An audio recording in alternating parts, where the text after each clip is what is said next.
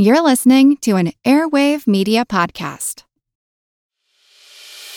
As a longtime foreign correspondent, I've worked in lots of places, but nowhere as important to the world as China.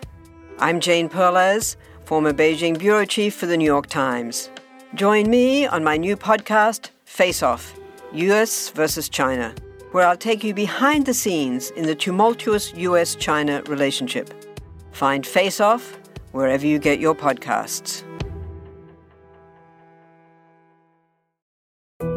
We all know how important it is to keep your eye on the money, and not just your own. Stay on top of the latest financial and market news with Yahoo Finance, a podcast that releases new episodes almost every day.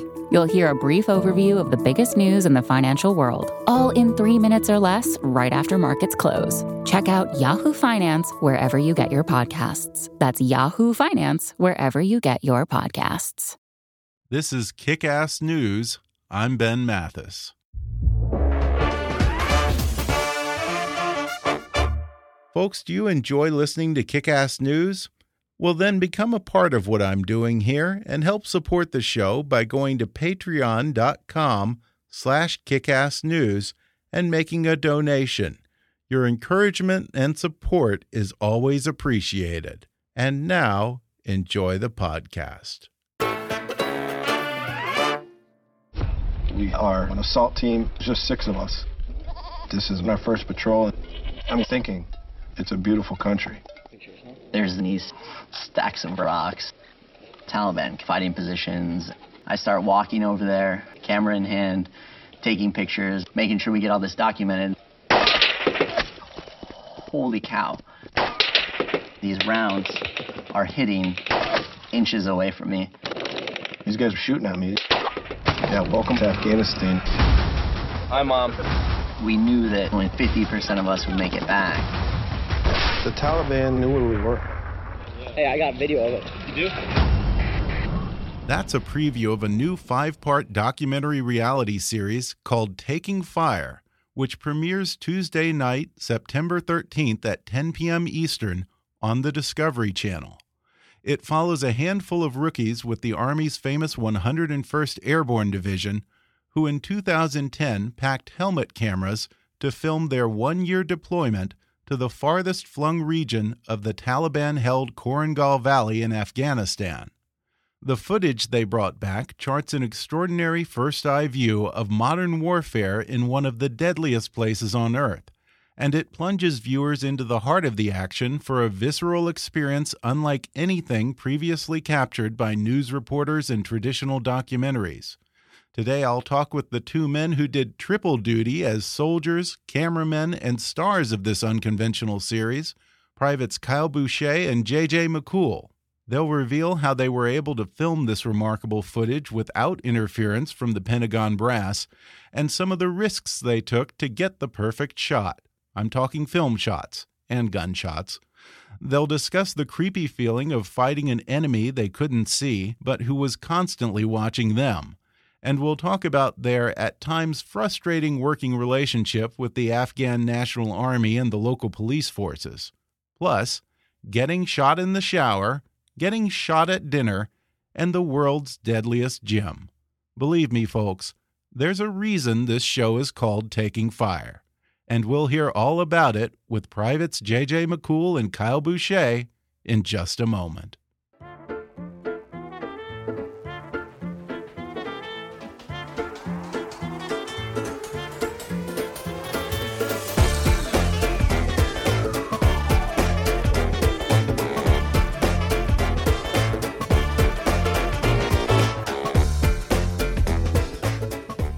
Discovery Channel's new show, Taking Fire, follows a six man assault team with the Army's 101st Airborne on their deployment to a far flung outpost in Afghanistan's Korengal Valley back in 2010. This innovative series was shot entirely by the soldiers themselves through a mix of helmet and digital cameras. The first episode airs Tuesday night on Discovery Channel and today I'm talking with the two soldiers who were both cameramen and stars of the show, JJ McCool and Kyle Boucher. Guys, thanks for joining me. And uh, more importantly, thank you for your service. Yeah, absolutely. Thanks for having me. You're welcome. My Thanks pleasure. having. So tell me, how did this project come about? Well, basically, uh, a few of the guys just decided to buy helmet cameras for, you know, documenting what, what happened to, throughout the deployment. Um, we made the decision to, uh, you know, buy helmet cameras. We had no intentions on this becoming what it is now. Uh, we, we just wanted to be able to look back and, uh, you know, remember remember what we did, and um, it, it was good to, to have throughout the deployment. We could always look back at like what happened. Um, you know, kind of like we did this good, we did this good, uh, we could have done better this, um, you know, stuff like that. We knew we were going on a pretty uh, pretty tough deployment, and um, and we just we just wanted to capture what happened. Okay, so this didn't come from the military or the Discovery Channel. This was you guys' idea. well, uh, I guess the origin of it happened when we knew we were going to deploy, and our commander told us about three months out that uh, where we were going, we had a 50% chance of coming back. Wow. so when I found that out, I've always been one to record anything crazy that I've done, whether it's uh, cliff diving off, you know, into lakes or bridge jumping, anything. So uh, I was figured, hey, if it's that bad and there's going to be that much activity, I may as well record what I can. And how did you guys sell the Army on this idea? Did they express any hesitancy that this might be a distraction or, or hinder your mission? Uh, no, I mean, th- I guess really they, we, we were in such a remote location that, uh, you know, no, nobody really came up and bothered us where we were. I mean, uh, we were just, um, we were just out there in the fight and the Army really didn't have any concern or, or, or uh, you know, I mean, plus we're all out of the, most of us are out of the Army now, so it doesn't really, you know, it doesn't really matter. Well, you know what they say. It's easier to beg for forgiveness than ask for permission. So, Absolutely. did the higher ups even know about this? Who, who knows? Uh, we you know we didn't really ask permission. I mean, there was no embedded reporters. This is all filmed by us. They didn't really know about it. I mean, our command uh, within our platoon and company knew about it, and it, there was nothing. I mean, there was no real checks and balances, or hey, you can or can't do this. It was kind of Right. new because the technology, like I said, just wasn't really there for helmet cameras. I mean, it's not like there were nice GoPros and things like that like they have now. So the way that I kind of equate it though is it's like cops wearing cameras now. Right. I mean, it's in everyone's best interest for the cop to wear that camera because they should be conducting themselves in a way that's professional and morally sound, so on and so forth. So that's just another check and balance for us in those situations to make sure that we're doing everything that we know to be right and uh, executing the way that we should. And I think the idea as we got into it was, hey, let's, you know, try and compile this footage and make some kind of something, you know, like a Restrepo or a hornet's nest, something like that, you know. Yeah, the military tends to be very careful when they're embedding reporters on the battlefield. So uh, you weren't at all concerned that at some point the higher ups were going to shut this down? No, and you know where we were, uh, and you'll see, and the viewers will see as they kind of watch it. I mean, we were in the wild, wild west. Is kind of what we called it. So, just in the middle of the pesh, left out, almost not high and dry, but I mean, it was a constant fight, and a lot of the higher ups wouldn't even come to our cop, that, Oh, wow. let alone see what you're recording. You know. So we didn't even have civilian contractors that would come over and work on uh, anything, our internet, or for whatever reason, anything goes out. I mean, we were kind of stuck Wow. because it was too dangerous for the civilians to come out. And I mean, none of the brass or higher ups really even came out. And I think that even if they did, they wouldn't have been against it. Have you gotten any response from the Army now that it's uh, about to go on the Discovery Channel or any reaction? No, I haven't uh, personally. I think moving forward, as Raw put together these uh, this docu series, uh, they had to get some DoD approval, just as they were submitting the edits and the rough cuts, just to make sure there wasn't anything for whatever reason that shouldn't be on there. Right. But it never really was a thought of mine, and it's still. I mean, even now, no one has contacted me And I don't think that anywhere on any of that footage there was anything we did wrong. hmm So that they would really have a reason to say, hey, let's try and conceal this footage. So let's talk about the production side of this. You guys jerry rigged these helmet cams yourselves. Were these GoPro cameras or what were you working with here? They're called Contour HD. They were like the prequel to the GoPro. And the nice thing about it was it had a really low profile. So I was able to mount it just on the side of my helmet, as you see in a lot of the footage. And you kind of got, you would see exactly what I was seeing. Yeah, well, I, th I think that it looks quite good for what you were working with there. So you didn't find yourself going back uh, out into the line of fire to capture a shot or anything. you, Well, you didn't barely, uh, uh, you know, escape with your life and say, "Oh, we got to go back out. We lost the shot." You know, uh, I'm not going to say I didn't do that uh, because you sound a little nuts to me, more, JJ. More than, more than a few times. Uh, okay. And you know, when you're so often in those situations, it almost, I don't want to say you get like kind of crazier or you want to be more daring, but it is almost like that because it's so familiar. You almost want to take one step further out or, you know, do something that was a little more than what you did in the last firefight so that it still keeps that, because that, I don't know, there's a feeling you get when you're being shot at, as weird as that sounds. I mean, it's an adrenaline rush and it's something that you've never felt before.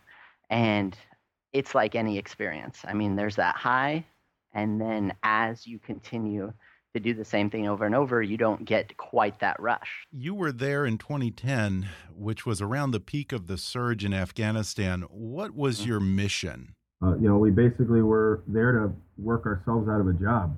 Uh, you know, we trained the ANA. Um, the ANA came out with us on almost every mission.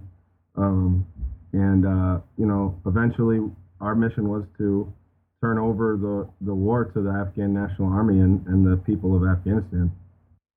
You know, I don't even remember exactly what Obama was saying. Our mission was, you know, go over there, try and do the whole win the hearts and minds, right? Mhm. And I mean, a lot of times that just means, hey, we're going to go talk to them about their hydro power plant, or we're going to go meet with the elders and see if we can't build them a bridge across the river and or if they have lighting issues. It's just simple small things that seem very petty probably to us as americans but are very important to them. And that was kind of how we wanted to win their hearts and minds so that we could essentially get them on our side. Because if we had the villagers and the elders um, then they would let us know when the taliban were moving through and we could essentially take care of them. And so I guess you kind of think that that's the mission, you know? hmm But very quickly, especially where we were, we learned that the mission every day was just making sure the guy to your left and right got back home safely. And that's kind of what it ended up being. Because every day it was just nonstop.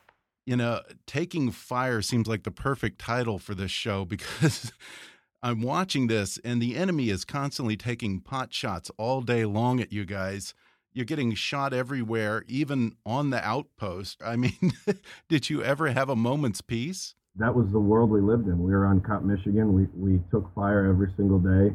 Um, we went out on missions and, and got into numerous gunfights. Uh, I mean, Cop, Michigan was was, I mean, you know, it was like shooting fish in a barrel. These guys came up over the mountains. They they'd blast RPGs at us, small arms fire, recoilless rifles, mortars, um, everything they had. They they they'd try getting us, and uh, you know, and we fought right back. it was nice in the sense that you never got complacent. For us, it was like every day we knew something was going to happen. It was just a matter of when and how many times. I mean, we were in almost every situation. We had casualties, we had KIAs, wounded, we called it in nine lines, we did all kinds of gun runs, we had every air asset you can imagine. So you really kind of ran the full gambit of it, and it really was. It was I mean, taking fire is a pretty appropriate name. Yeah, because you just weren't getting shot at when you were in some kind of a combat situation out in the field. Even when you were at your base camp at Cop, Michigan, you guys are talking about getting shot at in the shower and getting shot at at Oh dinner. yeah. I mean, people were getting hit in the showers, or Oh, people. Lord. I mean, just anywhere. So it really, the way that we had it, and you have to imagine how tactically inefficient this seems that we have a base right in the middle of a valley surrounded by mountains that are thousands of feet above us and they can sit in these rock formations all over around us just lobbing anything they want you know whether that's grenades rpgs recoilless rounds dishka small arms fire whatever that may be and knowing that when you're on base i mean there's not a lot you can do it was Men's Health or Men's Journal, I think, did a, an article while we were there. We had the deadliest gym on earth. So I think wow. just during my time there, we had it was five, maybe it was five Purple Hearts given out just for people working out in our little makeshift gym. Well, now that you're back in civilian life, next time you run into one of these CrossFit fanatics that think they're so badass, uh, you tell them about the world's deadliest gym. I think that'll shut them up pretty quick. and you know, eh, you would think that, and I probably could, but if they don't experience a deployment like that, they just really have no way to even relate to what that means. It's a difficult thing, you know. We're going to take a quick break, and then I'll be back with more with Privates Kyle Boucher and JJ McCool of Discovery Channel's Taking Fire when we come back in just a minute.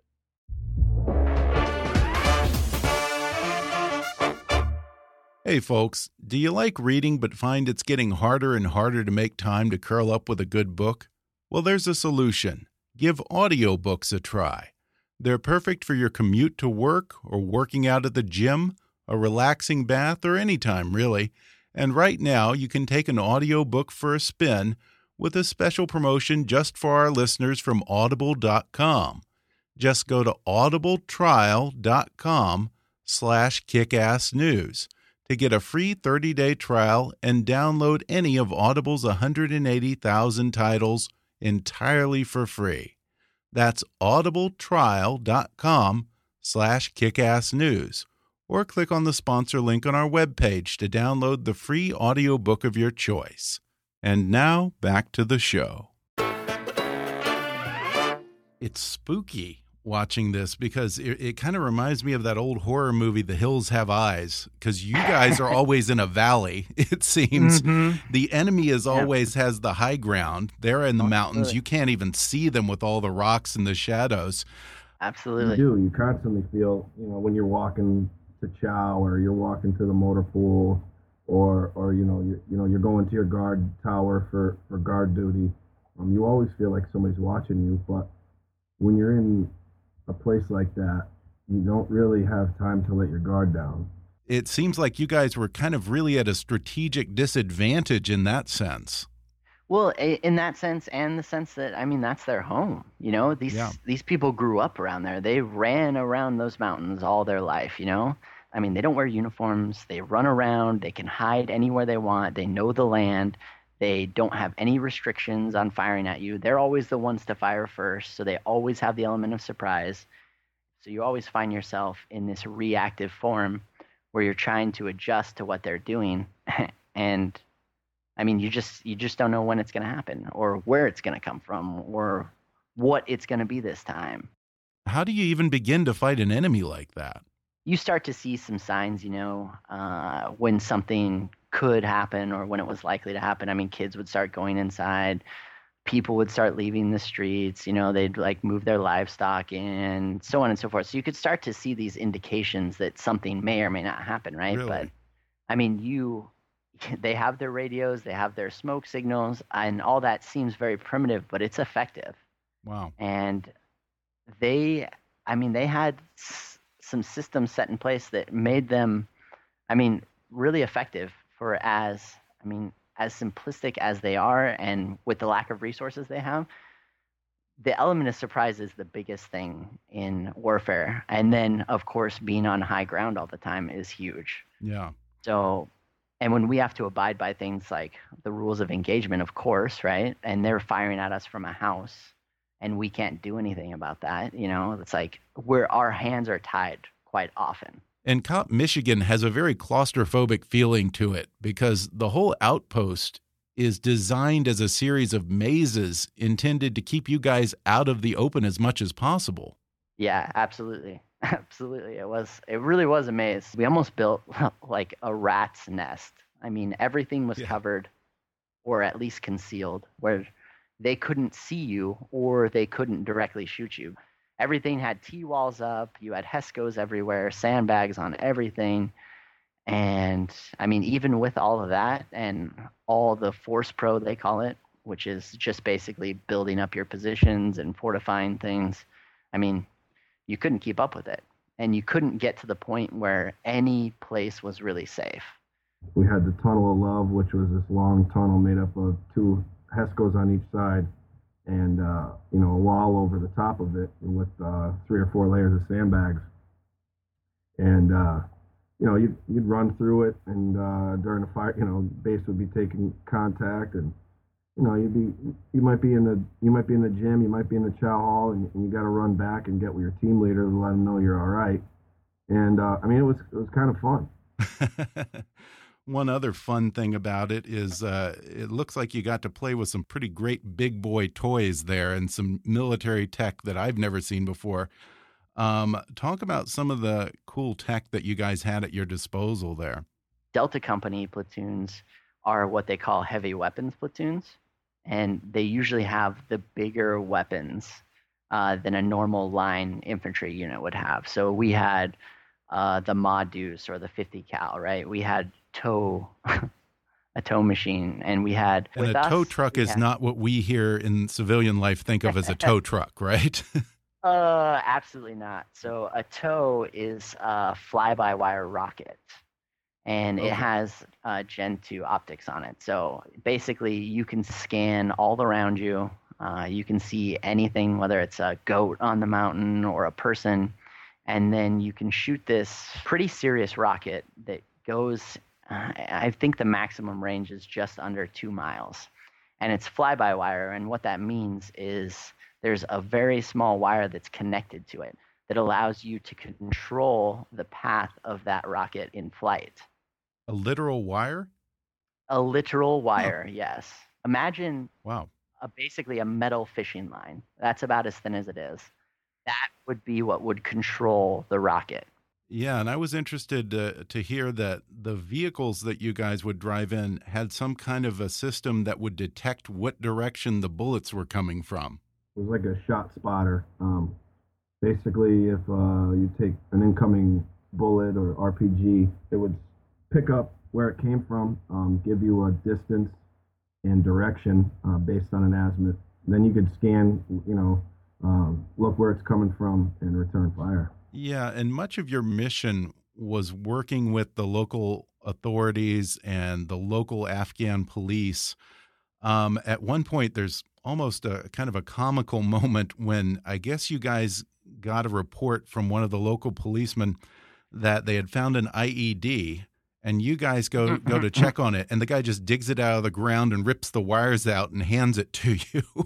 yeah, uh very unorthodox, needless to say. So yeah, a lot of times our intel uh, for missions that we would do would come from the uh, Afghan National Police or the ANA or some kind of contact or uh, contact that would be within a village that we had. So yeah, in a particular situation, there was a time that one of the Afghan National Police had told us that there was an IED that had been implanted in the road uh, just uh, east of our cop, right? And then as we approached it, uh, sure enough, yeah, one of the ANP guys had taken what appeared to be the switch or the detonator off of the implanted IED and had basically brought it to us. so that was that was a little interesting. I mean, definitely unorthodox and wouldn't be something that we would ever have done. Uh, I mean, it wouldn't be something that would be by the book for sure, but they don't do that, you know? I mean, yeah. and that's part of the training uh, moving forward is getting them to do things in a way that's a little more safe. I mean, they'll walk over an IED site to jump on it to see, you know, if there's actually something there, which I mean, if we knew there was an IED implanted or even had intel, we would never do that, right? Yeah. well, I mean, we'd obviously assess it, but we wouldn't go jump on it or go play with the wires, you know, and they'll do this all day long. Yeah. And, and to some extent, these guys have the most to risk because as locals helping out the coalition forces, they're walking around with a target on their back. For their families, too. Oh, yeah. Yeah, well, we, you know, we worked um, hand in hand with the Afghan National Army. I mean, they were attached to us, and, and we went on a lot of missions with them. We also worked with the Afghan National Police. Uh, a lot of times, those guys got into heavy gunfights with the Taliban themselves. We'd be on Cop, Michigan, and, and, and we'd hear a gunfight go off, and it would be um, we'd get spun up and we'd get out there as fast as we could and, and help them fight the Taliban. Uh, you know, those guys were from Afghanistan. This was their country, and um, you know they wanted what's best for their country. And really, we were just there to, to help them. Did you find that they were generally trustworthy, or I, am sure there's a potential for corruption there or intimidation? I mean, you want to believe the best in everyone. Sure. But of course, you also know that there's corruption, and there's tons of stories of Afghan National Army and police killing different soldiers and themselves, so on and so forth. So you're always, I would say, vigilant or watchful, and I mean, you're very meticulous about what you do around them, or you know, watching your back when they're around. But generally speaking, I mean, we didn't have any issues with our ANA as far as doing anything I mean, real untrustworthy on our cop. But I personally, I would say I never really trusted them or grew to like them because I didn't spend a lot of time with them. And the time that I did, they were always doing something incredibly dumb. Like in a like firefight, what? they will sit there and instead of fire and take cover, they will be taking their hats off or their shirt or their shoes and filling it with brass or they'll stop wow. an entire mission because they're normally in between two of our, our assault and our support by fire element, and they'll just stop to pray. When we're compromised in the middle of a mountain, like easily in a bad position, and they'll just think that it's the right time to just start praying. Yeah, you got to have a lot of faith in Allah there. yeah, I'm all about them doing what they need to do, but by the same token, like I'm not about putting myself or the platoon at risk because they need to pray on the middle of a mountain yeah. for wow. no reason, you know? So it's just simple things like that. It's like very frustrating to me. And we just tried to really give them a sense that they could do things. And sometimes they could, sometimes they couldn't. But I mean, that was kind of the way for us to eventually leave is to enable them to eventually be able to take care of their own stuff. And it does seem that much of your mission is about helping the locals rebuild and fighting the so called Hearts and Minds campaign. Um, do you feel that you were able to accomplish that? Yes and no. I mean, um, where we were was was uh, you know very unevolved. Um, the people there, they you know, um, I don't really think a, a government um, mattered to them. You know, they they grew crops and they were farmers and um, they were living their lives the same way they have been for thousands of years. Mm-hmm. However, we were able to help um, the local villages and, the, and everything with, uh, you know, helping them build up their villages, helping them with um, supplies, and, and, and obviously helping them um, keep away the Taliban.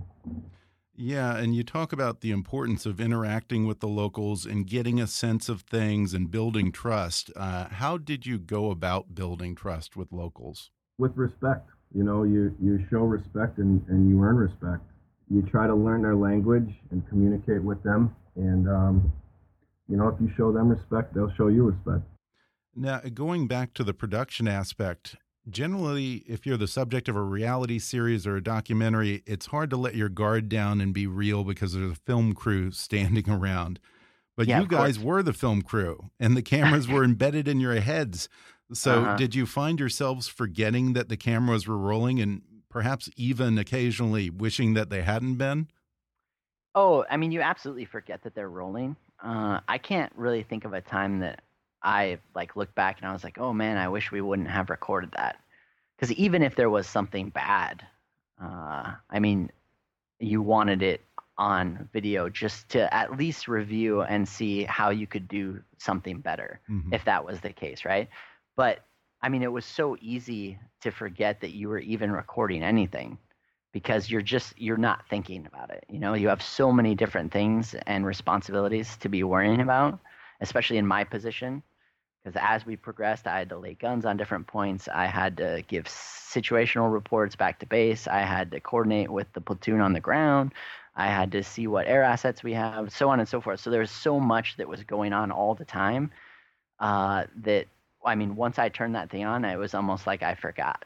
Like I said, it's not produced. You know, it's not like right. we were intentionally doing things to try and get it on film. It just was what was and happened to be captured. Yeah, well, I'm glad you did capture it because it's amazing to see these things through your eyes and get a visceral feel for the kind of danger our troops put themselves in. Uh, what would be the one thing that both of you want Americans to take away from watching this series? I mean, war is very real. Um, it's it's not pretty, and at best, it's probably the worst thing that most of us would ever have to endure. But you know, I really wanted to capture uh, for the people the sacrifice that so many of these great men made, because when you see, you know, hey, ten U.S. soldiers died in an attack in Afghanistan, like when you hear that as a civilian, and even I find myself sometimes hearing that, and I'm like, oh, that's, I mean, that's sad, that's crazy, but it doesn't really mean anything. Mm-hmm. So, so often when you see tragedy and you're not connected to it, it doesn't mean anything to you. It's just a number, you know? But when you can put faces to those names and a story behind that, it really kind of stands out and makes you realize the sacrifice that so many have made and continue making and what it really means to put on that uniform and say, hey, I'll do whatever you tell me to do so that we can be free. Guys get killed over there every day. Um, two of my best friends got killed, Ben Chisholm and Charlie High. Um, you know, there's been 5,000 plus uh, KIA throughout, you know, the global war on terrorism, whether it's Afghanistan or Iraq. And uh, my brothers are going to be able to um, have their story told. They're they're going to be memorialized. The entire country is going to know who Ben and Charlie are and, and know what they did, and they died heroically. I, I just want my best friends' names to, to, to never be forgotten. You're both out of the Army and enjoying civilian life. What are you guys up to now?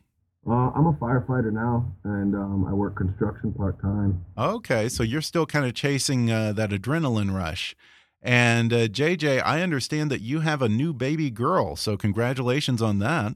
Thank you so much. I mean, having a new baby girl, I'm enjoying my summer off because I'm a full time student uh, getting my business degree in school now. Being a 29 year old going back to college is uh, interesting and presents its own challenges. Once again, the program is called Taking Fire, and it airs Tuesday night, September 13th on Discovery Channel. Kyle Boucher and JJ McCool, thanks for joining me. And again, thank you for your service. Yeah, absolutely. I appreciate your time. Thank you so yeah, much. Thanks, and thanks for having me on.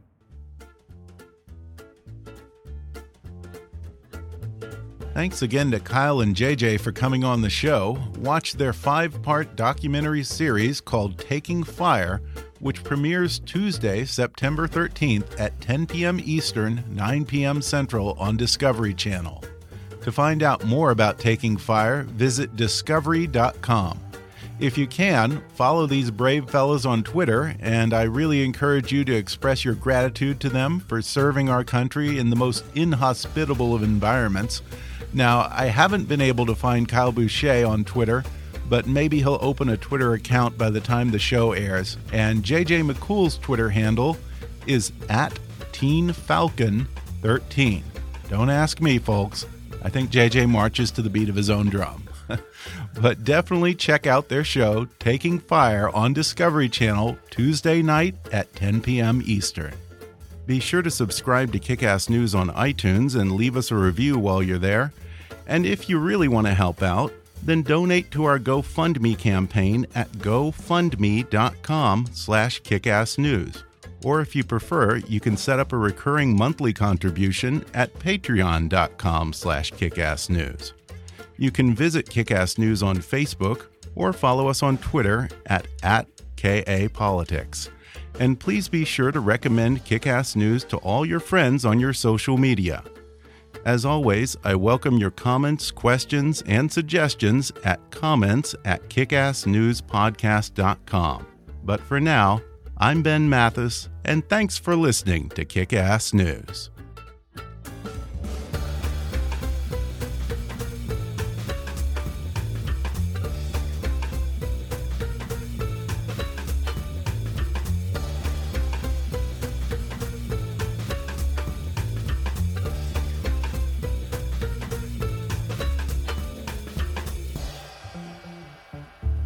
Kick Ass News is a trademark of Mathis Entertainment, Inc.